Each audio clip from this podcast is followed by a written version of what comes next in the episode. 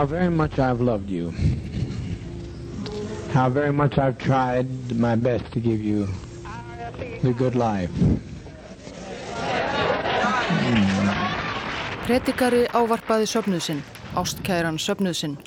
Móllulegt síðdegi á samkominnstanum, var utan dýra og skóur allt í kring. Predikarinn hafði oft áður ávarpað söfnuð sinn þarna en þetta var ekki venjuleg samkunda. Talking, murdered.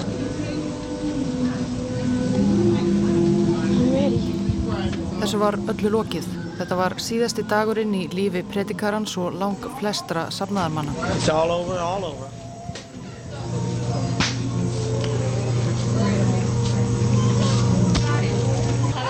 Yeah. Don't be afraid to die. You feel 50 people. Á meðan predikarinn talaði í mikrofónin röðuðu safnaði menninni sér upp, einn af öðrum, vanir að hlýða fóringjanum. Karlar og konur, börn, fullornir og gamalmenni, allir fengu pappamál með skerrauðum ávastasafa.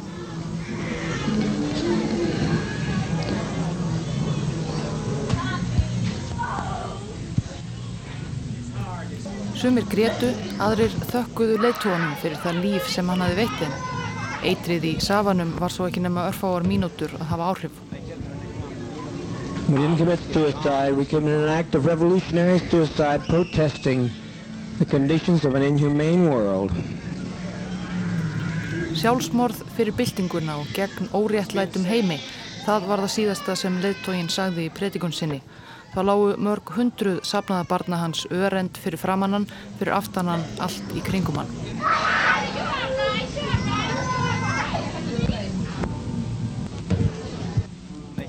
Bráðum þið alveg þögult á samkominnstaðnum.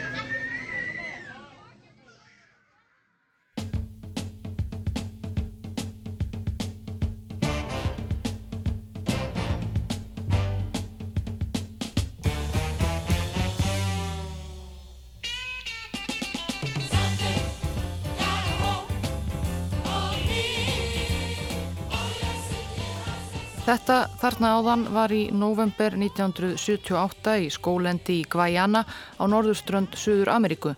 En þetta, þetta er kór Kristins safnaðar í San Francisco að syngja stuðlag drottni til dýrðar, tekið upp og gefið út á plötu fimm árum áður, 1973. Söfnuðurinn var þá eitt sá kraftmesti af kristnum kirkjudeldum Kaliforníu, líf og fjör eins og við heyrum. Nefna hvaða þetta er sama fólkið sem við heyrum hér syngja og við heyrðum gráta og draga sína síðustu andadrætti í skójunum í Gvæjana í november 1978.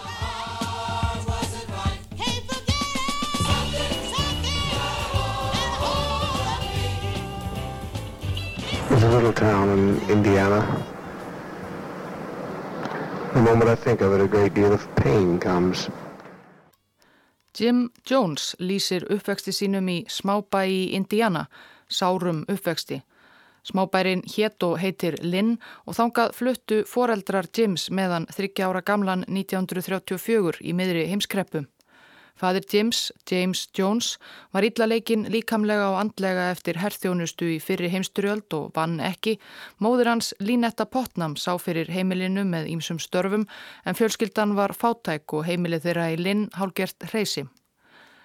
Lynetta var óvinnuleg kona og mæli hvarða þess íhaldsama og trúrækna samfélags sem Indiana var á þessum tíma Hún reykti á almanna færi og bölvaði og ragnaði og þau hjónin sóttu ekki kirkju eins stíft og aðrir íbúar linn sem alltaf mættu til guðsjónustu og sunnudugum. Og sonurinn Jim var enn ofinnulegri frá unga aldri. Hann var reyndar duglegur að mæta í kirkju, svo mjög að hann let sér ekki næja að fara bara í eina, heldur stundaði hann allar kirkjudeildirnar í linn og nágræni, fór einn í sunnudagsfötunum dag eftir dag Hann var heitlaður af trúarbröðum og trúar leittóum og var fljótt farin að bera biblíuna öllum stundum og predika sjálfur fyrir alla sem hlýða vildu. Og hann heitlaðist af annars konar áhrifavaldi einnig.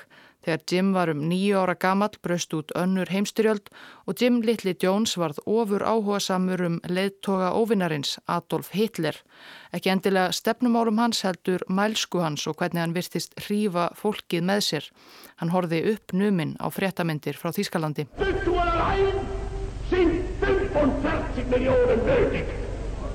So sieht es heute in Deutschland aus unter dem Regiment Flestir þeir sem þekktu Jim Jones á þessum tíma eru sammála um að hann hafi verið engar undarlegur piltur á skjön við samfélagið.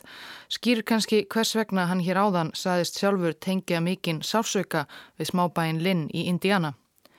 Það var ekki bara að hann væri alltaf í kirkju og heitlaður af Hitler, hann var líka upptekinn af dauðanum. Hann var kornungur þegar hann byrjaði að fá aðra krakka í bænum með sér til að setja á svið jarðarfarir döðura smádýra sem hann fann og var hann þá sjálfur í hlutverki prestsins og flutti líkræður. Fæstum krökkunum fannst þetta mjög skemmtilegu leikur.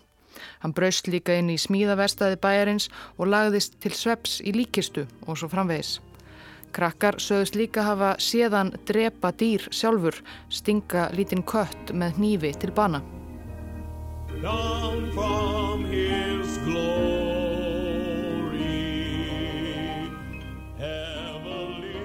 Þegar Jim Jones var á unglingsaldri skildu foreldrar hans og Piltur fyldi móður sinni til Richmond, borgar í Indiana, þar sem hann gekk í gagfræðaskóla. Hann var áfram nokkuð skrítinn þar, svaraði helst ekki ef á hann var yrt en hófgjarnan samræður að fyrrabræði, þá yfirleitt um Guð og Biblíuna. En hann var duglegu námsmaður og vann líka með skóla sem sjúkraliði á sjúkrahúsi borgarinnar. Þar þótti hann umhyggjusamur og var elskaður af sjúklingum og sjúkrahúsinu í Richmond kynntist hann líka stúlku, nema í hjógrunafræði Marceline Baldwin. Hún var fjórum árum eldri en hann og af allt öðrum þjóðfélagsbakgrunn, dóttir borgaráðsmanns republikana í Richmond, en hún fjall killi flött fyrir þessum rétt sína og heittrúaða pildi með erfiðu fortíðina og þau giftu sig vorið 1949 þegar Jim Jones var 18 ára gamall. Þau fluttust til Bloomington, annarar borgar í Indiana, þar sem Jim tók ímsa kursa í háskólanum. Hann vissi ekki alveg hvað hann vildi gera við lífsitt. Hann vann með skóla og Marcelín sem hjókunafræðingur. 1950 var Jim búinn að ákveða að hann vildi gerast lágmaður og því fluttu ungu hjónin til ríkishöfuborgarinnar Indianapolis.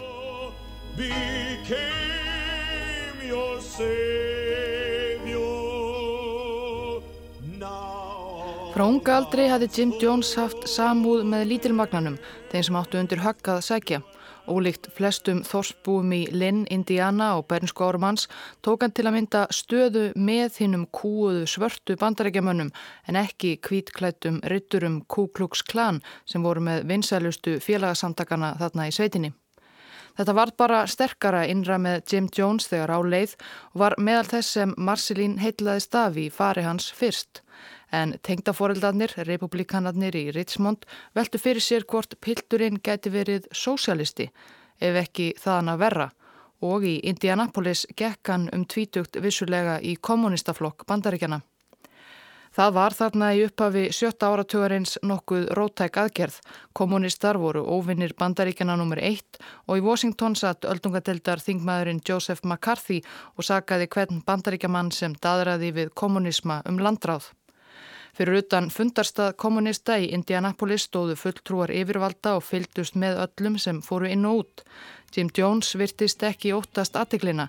Hann fór yfir leitt og tók í höndina og útsendurum yfirvalda um leið og hann gekkin á fundin.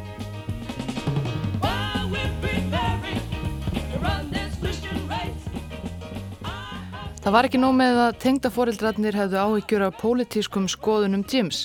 Ekki lungu eftir að þau Marcelín voru gift hafði hún hrokkið kút þegar maðurinn hennar, sem hún hafi talið álíka guðrættan og hún sjálfar, fór allt í einu að úthúða guði almáttugum og kalla hann öllum íllum nöfnum. Því hvers konar bölvaður guð væri það eiginlega sem læti álíka misrétti og þjáningu þrýfast í heimisínum. Marcelín var verulega brúðið og fór að draga Jim með sér í Guðsjónustu í næstu methodistakirkju. Kommunistinn Jim fór með miklum semingi. Kirkju og pretikunardagar hans voru löngu liðnir. Eða hvað?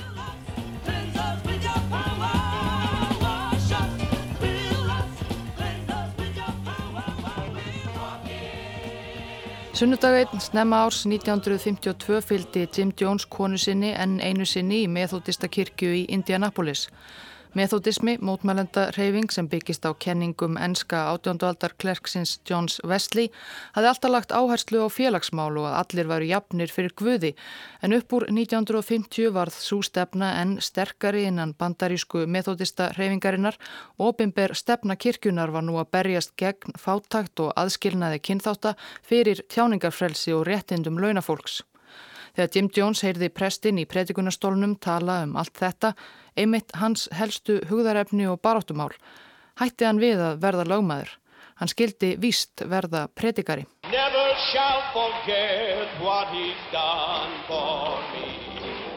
Oh,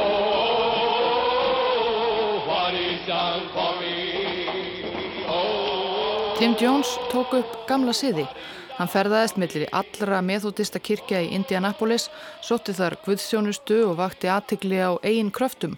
Hann heitlaðist sérstaklega af svertingakirkjunum þar sem var miklu meira fjör, söngur og dans og fólk misti sig í hýta augnabliksins.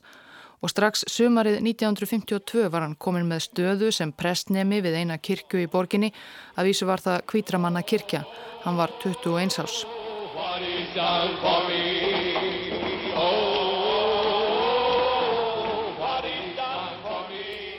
Var Tim Jones einhvern tíman trúaður í raun og veru eða á hvað trúði hann? Þetta eru spurningar sem fjölmarkir hafa velt fyrir sér í áratögi og það er erfitt að segja með vissum. En þegar Jim Jones satt í bækistöðum safnaðar síns í skójunum í Gvæjana 26 árum eftir að hann var skipaður prestnemi í methodista kirkju í Indiana tók hann upp upptökutækið sem aldrei var langt undan og þuldi inn á það einhvers konar æfisögum.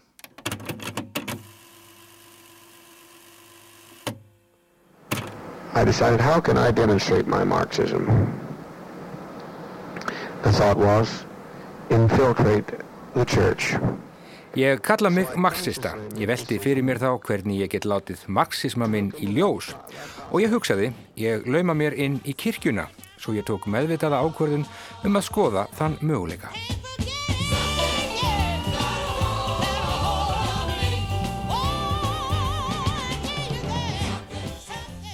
En hvað sem vakti fyrir honum var Jim Jones ekki ánæður sem prestnemi lengi. Það var ekki eins mikið fjör í kvítu kirkunum, hann fekk ekki að sinna neinum mikilvægum störfum og kirkjan var ekki að gera neitt sem skipti raunverulegu máli að hans mati. Hann ákvaða til að bera út bóðskapsinn um jöfnuð og félagslegt réttlæti þurfti hann að stopna eigin kirkjum.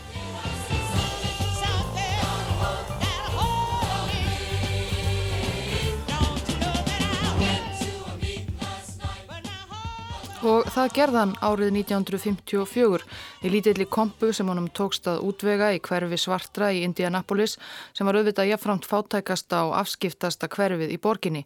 Það var fullkomin jarðvegur fyrir hugmyndir James Jones. Hann kallaði söpnuðinn sem var sjálfstæður og bara eftir hans höfði Community Unity, samfélagseiningu, en hann fekk síðan nafnið People's Temple eða Musteri fólksins og Jones tók til við að kynna sig í hverfinu og predika af krafti. Hann var þá þegar, 23 ára, orðin kröftugur predikari en það hafði hann lagt stund á þessi fræði frá barsaldri og alla æfi stúderað áhrifamikla ræðumenn og pólitíkusa. En í Indianapolis úði og grúði af predikurum af öllu tægi og Tim Jones þurfti meira til að vekja aðtegla á sér. Það leiði ekki á laungu fyrir en það var farið að spyrjast út í Indianapolis og nákrenni að predikarin ungi Jim Jones geti lesið hugsanir, séð framtíðina og læknað sjúka. Step from your wheelchair. Begin to step from your wheelchair. Try it. Just try it. Just try it. Hann beittiðu vitað bráðum. Fyrir samkomur þar sem hann kom fram hleruðu leinilegir útsendarar hans samtöl á kirkjubækunum. Ef til dæmis Guðmul Kona saði vinkonu sinni að eiginmaður hennar væri komin á spítala, letu útsendararnir Jones vita. Og í miðri predikun kannski namn Jones staðar, benti á gömlu konuna og saði henn að hafa yngar áhyggjur. Það yrði allt í lægi með mannin hennar á spítalanum og gamla konan tók andköf. Hvernig vissi hann?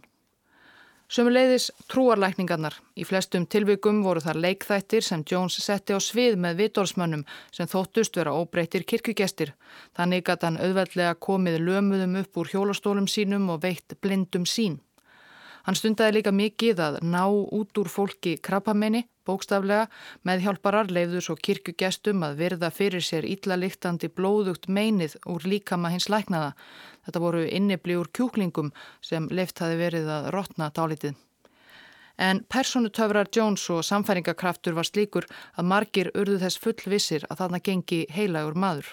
In the name of the mercy and the goodness of Jesus, wherein I stand, come forth, my dear. Stand up. Take that step. En People's Temple var ekki bara lottaraskapur. Megin markmið kirkjunar var að bæta líf safnaðar barna sem og samfélagið í kring. Fátæka svarta fólkið sem var fyrst til að taka boðskapi Jones gætt fengið ókipis mati í kirkjunni og notuð klæði, aðstóð leðtóhans og fleiri við að fóta sig í kerfi hins opimbera sem oftar en ekki var bæði flókið viðregnar og fjandsamlegt þeirra líkum. Jim Jones og kona hans Marceline voru alltaf til þjónustu reyðbúin en það ógs söpnuðurinn hratt. En þetta var kostnaðasum starfsemi og frjáls framlög frá gestum sem flestir voru jú ansi fátækir voru ekki næri nót til að dekka allt. Jones neittist framanaf til að vinna önnur störf með fram og um tíma stundaði hann þá undarlegu yðju að fara hús úr húsi og selja lifandi kongulóa apa sem hann flutti inn frá heimkinnum þeirra í Suður Ameríkum.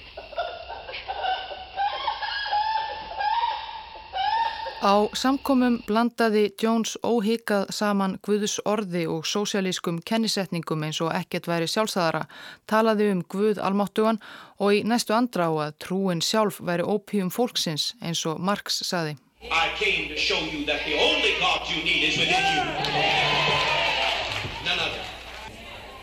And religion, the opiate of the people, shall be removed from the consciousness of all mankind og hann leti sapnaða börnin beint úr einhverjum gospel dýrðarsöngnum í Internationalin.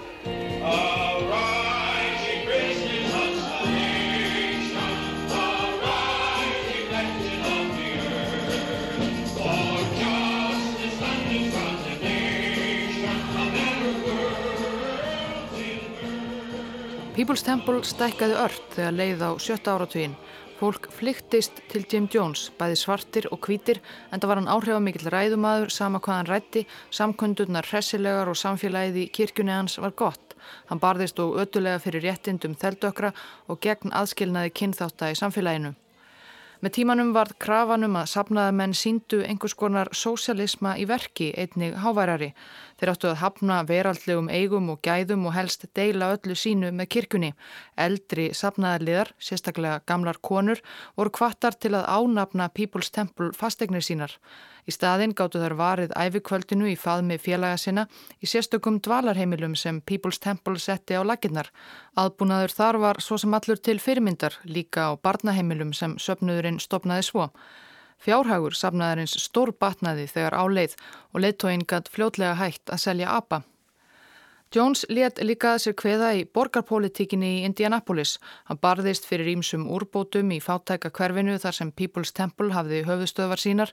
Reyndar hafði hann sjálfur litla þólumæði fyrir að rína í skipulagsgögn og sitja borgaráðsfundi, let konu sína borgaráðsmannsdótturina um það en eignaði sér sjálfur heiðurinn. Þá barðist hann gegn aðskilnaðastefnu í borgarlífinu, offsótti veitingahúsa eigendur sem tóku ekki á móti svörtum gestum og svo framvegis. Það var meira að segja skipaður yfir mannréttindaráð borgarinnar um hríð.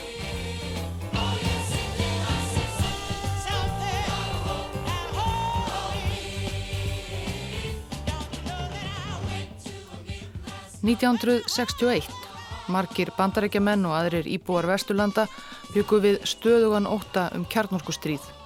Þá um haustið fór Jim Jones að segja fylgismönnum sínum að honum hefði byrst sín um að kjarnorku árás á bandaríkin veri yfirvofandi og Indianapolis meðal annars myndi tortímast í eldhafi.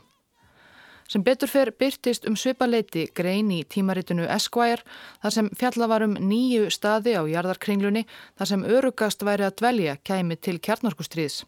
Jones las greinina miklum áhuga. Einn af þessum stöðum var Belo Horizonte, borg í Brasilíu. Svo mjög virðist Jones hafa trúað á sínina um kjarnorku árásina að hann tók sér til í áspyrju 1962 og flutti með fjölskyldu sína, konu og börn til Belo Horizonte og skildi People's Temple í Indianapolis eftir í höndum sinna nánustu undirmanna. Hann virðist hafa ætlað sér að byggja upp kirkju í Brasilíu með það markmiði að beina svo fylgismönnum sínum í bandaríkunum þangað. Reyndar er talsvert enn óljóst þegar kemur að Brasilíu ferð Jones en honum virðist hafa gengið ítla að koma undir sig fótunum, mætti skilningsleysi með áform sín og talaði auðvitað enga portugalskum. Það var því ekkert úr fluttning í People's Temple til Brasilíu og Jones fjölskyttan fluttist aftur heim veturinn 1963.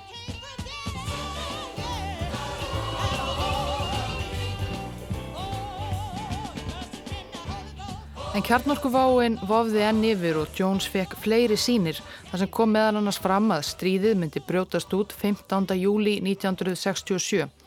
Hann beindi því sjónum sínum að öðrum stað á lista Esquire yfir örugustu staði jarðar. Það var af einhverjum ástæðum smábæri í norðanverðri Kaliforníu, Redwood Valley. Þar var auðveldar að koma sér fyrir og þangað flutti því People's Temple söpnöðurinn árið 1963 Jones ásand sínum tryggustu fylgismönnum all nokkur hópur. Það hafði kvarnast talsvert úr söpnöðunum á meðan leittóin var í Brasilíu reysunni en í Redwood Valley ógs People's Temple og dafnaði á ný.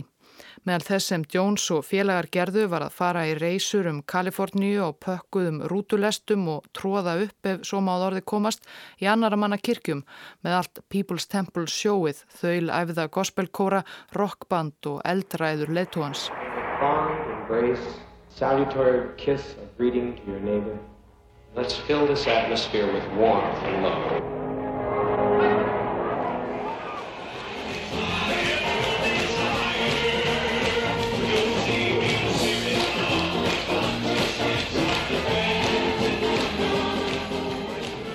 Þeir buðu svo forvitnum í heimsókn til sín í paradísina í Redwood Valley þar sem söpnurinn var í óða önn að byggja upp dýrðulegt samfélag, jafnaðar og réttlætis.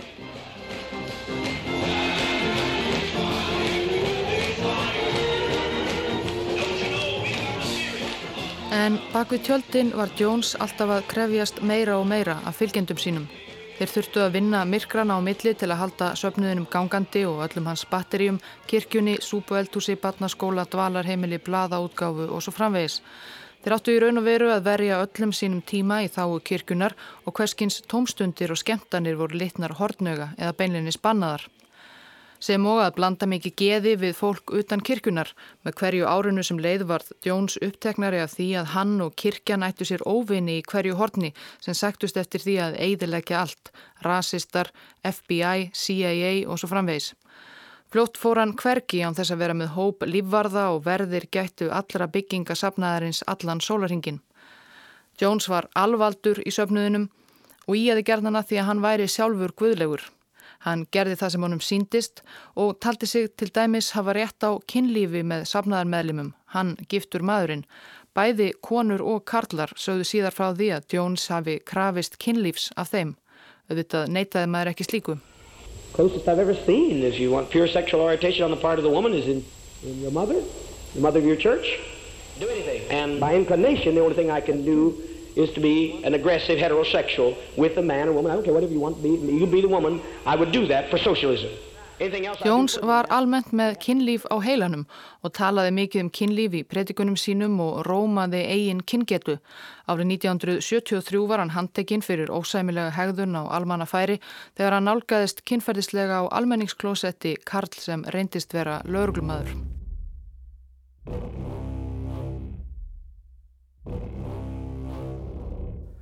Reglulega þurftu sapnaðar börn að sapna saman fyrir framann allan söpnuðin og játa syndir sínar og brot hverskonar og taka svo á móti gaggríni og refsingum frá félögum sínum fyrir.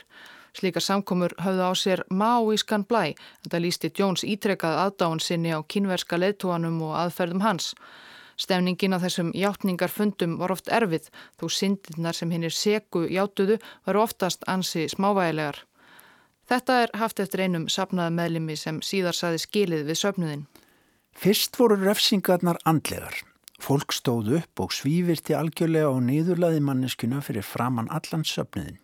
Svo steg Jim fram og tók utanum manneskuna og saði Ég veit að þú fóst í gegnum mikil erfiði, en það var fyrir málstæðin. Pappi elskar þig og nú ertu sterkari manneska. Ég get treyst þér betur eftir að þú fóst í gegnum þetta og tókst þessari refsingu.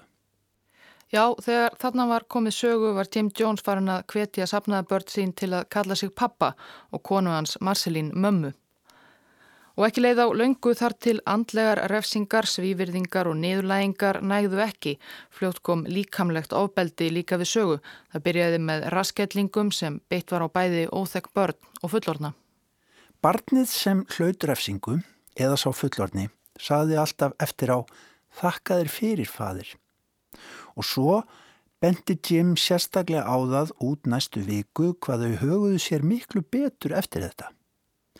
Við réttlættum þetta fyrir okkur þannig að Jim hlýta verið að gera rétt því að allir sögðu að barsmiðarnar hefðu gert aða verkum að líf þeirra tók viðsnúning í rétta átt. Þegar hinnum ástkæra pappa Jim Jones þótti rasketlingar með handabli ekki nót til að halda óstyrlátum sapnaða börnum á móttunni, tók hann í nótkun belti og ímis áhöld til verksins. Hann jók líka kraft höggana og tíðni. Algeng refsing í byrjun voru kannski tíu högg, nokkur síðar voru þau orðin hundrað og það þurfti að hafa hjógrunafræði mentaða sapnaðar meðlimi á hliðarlínunni til að veita aðhlýningu eftir aðfæriðnar. Svo voru það ekki bara agameistarar sapnaðarinn sem sáu um útdeilingu refsinga heldur voru óbreytir sapnaðamenn kvattir til að taka þátt og refsa félögum sínum. Þannig breytust hjáttningar fundirnir með tímanum í hálgerð hópslagsmál þar sem allir saminuðust um að berja á einum, þeim brotlega, með höggum og spörkum og Jim Jones tók sjálfur ósjaldan þátt í áflugunum.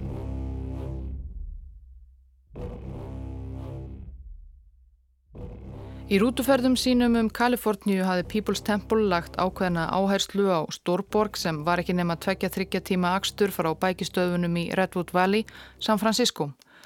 Þar var um auðvangarða gresja fyrir Jim Jones og félaga.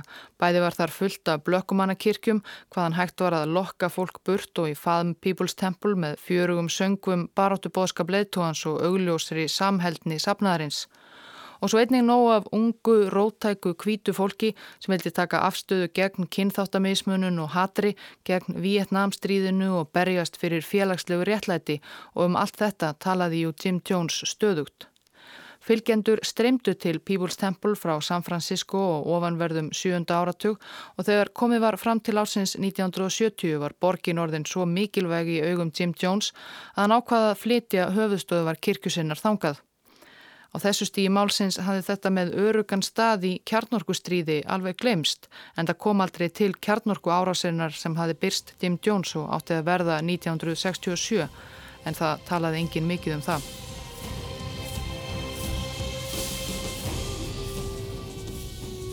Timothy Stowen gekk til liðs við People's Temple um 1969 Þá var hann rúmlega þrítugur frá Wisconsin en hafi lesið lögfræði við Stanford Háskóla í Kaliforníu og verið þar síðan. Hann var eljusamur og fluggreindur, góður lögmaður og með ástríðu fyrir mannréttendamálum og félagslegu réttlæti.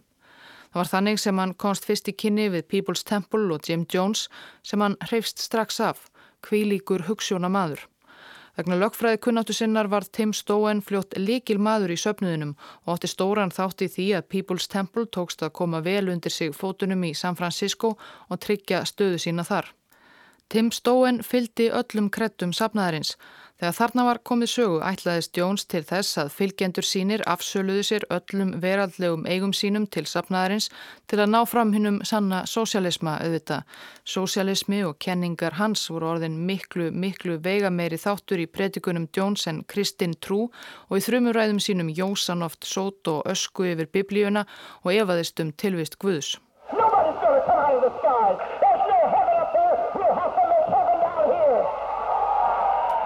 Ef einhver guð var til mátti skilja af ræðum Jones á þessum tíma þá var það bara hann sjálfur, Jim Jones.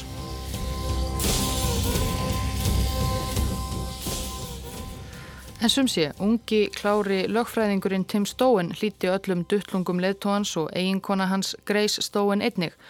Þau skrifið undir plagg sem afsalaði þeim öllum eigum þeirra til People's Temple.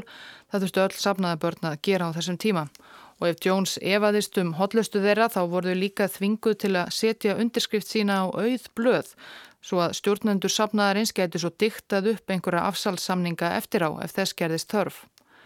En afsalsamningurinn sem Tim Stowen skrifaði undir í februar 1972 var útfylltur og af nokkuð nýju tægi. Ég Timothy Oliver Stone viðurkenni hér með að í april 1971 fór ég þess ákaft á leit við minn heitt elskaða prest Jim Jones að hann geti barn með eiginkonu minni, Grace Stone, sem hafði áður eftir ítrekkaðar kröfur mínar með semingi en náðarsamlegast gefið samþykki sitt fyrir því. Jim Jones samþytti það einnig með semingi eftir að ég útskýrði að ég vildi mjög gjarnan ala upp barn en gæti ekki eftir ítrekkaðar tilraunir getið slíkt sjálfur. Ástæða þess að ég byrð Jim Jones um þetta er að ég vil að fadir barnsins míns sé, ef ekki ég sjálfur, vorkun samasta, hreinskilnasta og hugrakkasta manneskja sem fyrirfinnst í þessum heimi. Undir þetta skrifaði lögfræðingurinn Tim Stowen. Eins og hann lísti því síðar var lítið hæft í þessum gullhamra flaumi. Raunin var að Tim og kona hans Grey sögðu átt í erfileikum í hjónabandinu eftir að þau gengu í People's Temple, kannski ekki síst vegna þess að Jim Jones gerði þær kröfur að Tim verði hverju einustu vögustund í sinni þjónustum og Jones tók svo upp kynferðissamband við konu hans að auki og það var þannig sem barnið komað öllum líkindum undir í april 1971, ekki vegna þess að hinn getuleysi Tim Stowen fór þess svo innilega á leit við Jones. Þegar barnið svo fættist, hraustur drengur skýrður John í janúar 1972 var hann eignaður Jones en annars alin upp að hætti People's Temple. Börn sapnaða meðlima voru saman öllum stundum í sameinlegu uppeldi sapnaðarins en lítið með sínum eiginlegu foreldrum eins og hörðustu samirkjubúum. John litli óks og dapnaði. En hann átti eftir, áður en langt um leið, að reynast einhver mesti örlagavaldur trúarsapnaðarins sem kallaði sig People's Temple.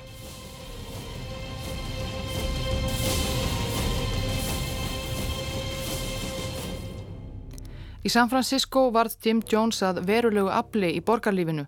Fylgjendur hans voru þá orðnir nokkur þúsund talsins, alltaf 8000 er talið. Og Jones kvatti alla, eða skipaði, til að skrá sig á kjörskrá og kjósa í öllum kostningum sem bóði var upp á og styðja kandidata og málefni sem honum hugnuðust. Nokkur þúsund atkvæði eru alltaf nokkur þúsund atkvæði og því fóru ýmsir borgarpolitíkusar í San Francisco að gera hósur sínar grænar fyrir Jones til að tryggja sér stuðning People's Temple. Það var alls engin tímaðisla. Talið er að atkvæði frá People's Temple hafi þannig skipt sköpum í afar naumum sigri demokratans George Moscone í borgarstjórnarkostningum í San Francisco 1976. Á fyrstu árum 8. áratögarins voru vinstri sinnaðir Kaliforníu politíkusar tíðir gestir á samkundum People's Temple og við háttegis og kvöldverðarborðið hjá Tim Jones og þeir átu upp allt sem klerkurinn sagði og gerði. Meðal diggara stuðningsmanna Jones var til að mynda San Francisco borgarásmaðurinn Harvey Milk, fyrsti bandaríski stjórnmálamæðurinn sem var opinn með samkynnið sína og stutti Jones fram í rauðan döðan. En það kemur endar ekki að honum alveg strax.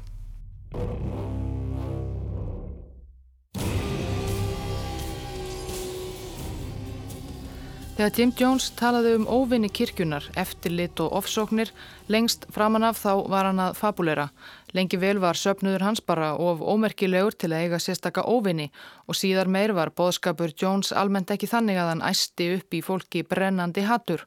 Það var meira þannig að hann dyktaði upp alls konar óvinni í öllum hornum til að fá fylgismenn sína til að hlýða sér í einu og öllu án þess að spyrja á mikið eða evast. En með fleiri fylgjendum, með aukinni aðtegli, auknu pólitísku valdi, þá auðvitað fóru fjölmiðlar að fjalla um Jones og kirkuna hans og gaggríni vaknaði. Fjölmiðlar fóru meðal annars að tala við fólk sem hafi sagt skilið við People's Temple. Það var ekki auðvelt að fara því Jones fór jú fram að menn afsöluðu sér öllum eigum sínum til sapnaðarins, hættu að vinna til að helga sig sapnaðarstarfinu og svo framvegis.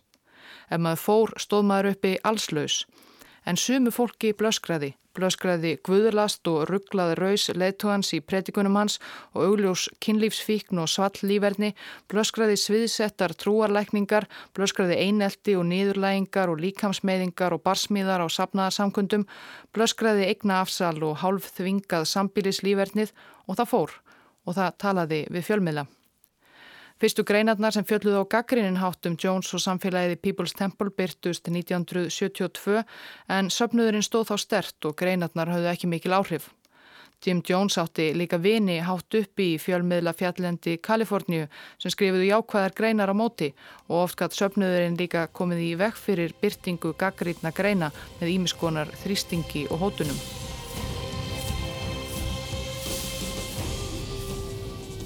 Jim Jones er einna valdamestu stjórnmálaleðtúum ríkisins. En hver er hann? Og hvað á sér stað bak við lokaðar dyr kirkjunar hans?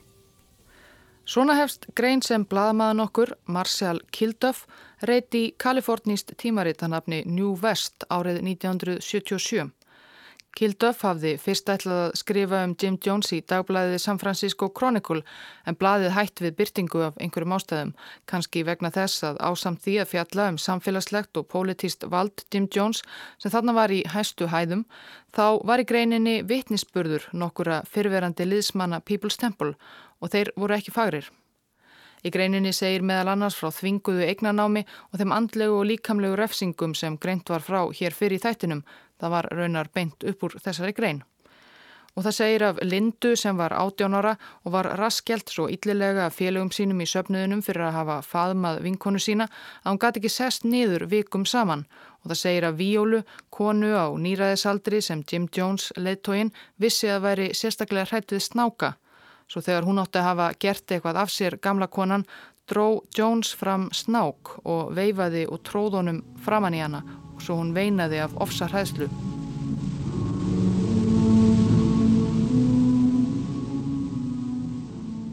Jim Jones vissi af því að verið verið að vinna í greinum hann og söpnuðin fyrir New West og reyndi sitt ídrasta til að fá bladið til að hætta við byrtingu greinarinnar. Það tókst ekki. Að lokum tókst honum að fá það fram að minnstakosti að hann fengi að sjá greinina áður hann um byrtist á prenti. Hún var lesin upp fyrir hann í síma kvöldið áður en New West fór í prentun.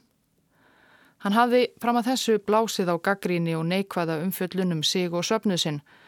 Það var eitthvað við greinina í New West sem gerði það verkum að Jim Jones ótaðist.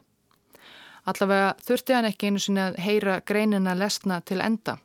Hann var þegar búin að gefa fyrirskipununa. Honum og fólkinu hans, People's Temple, var ekki lengur stætt í San Francisco. Það var komin tími til að flytja sig um set enn eina ferðina. En næsti áfangastadur varð þeirra síðasti.